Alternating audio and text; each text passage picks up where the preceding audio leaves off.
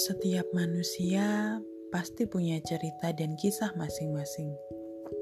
Suara Puan hadir dengan sepotong kisah kehidupan sehari-hari.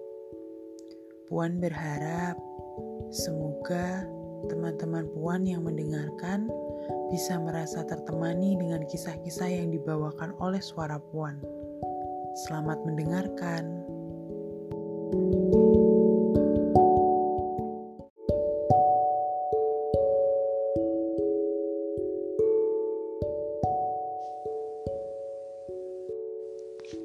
Setiap manusia pasti punya cerita dan kisah masing-masing.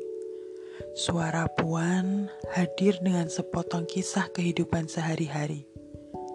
Puan berharap semoga teman Puan yang mendengarkan bisa merasa tertemani dengan kisah-kisah yang dibawakan oleh suara Puan.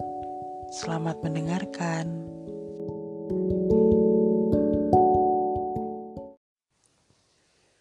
Setiap manusia pasti punya cerita dan kisah masing-masing. Suara Puan hadir dengan sepotong kisah kehidupan sehari-hari. Puan berharap semoga teman Puan yang mendengarkan bisa merasa tertemani dengan kisah-kisah yang dibawakan oleh suara Puan. Selamat mendengarkan.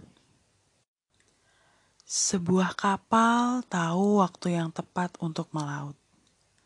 Malam hari, ia berlayar bersama deru angin darat yang mengantarkannya melaut. Ia terombang-ambing oleh riak ombak yang jinak. Bahkan, sesekali garang hingga hampir menerjang. Tapi, kapal tahu bagaimana ia harus bertindak menghadapi apa yang terjadi.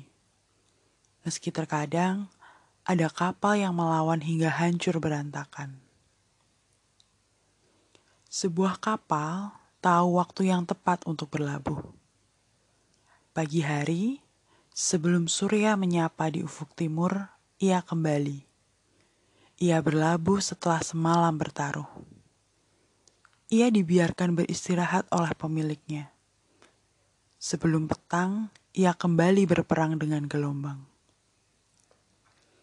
Terkadang kapal harus memilih sikap untuk tenang atau melawan gelombang. Pertama, saat pasang tetap tenang. Ketika kapal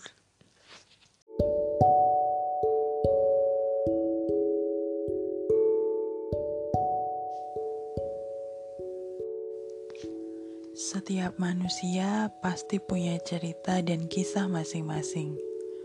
Suara Puan hadir dengan sepotong kisah kehidupan sehari-hari.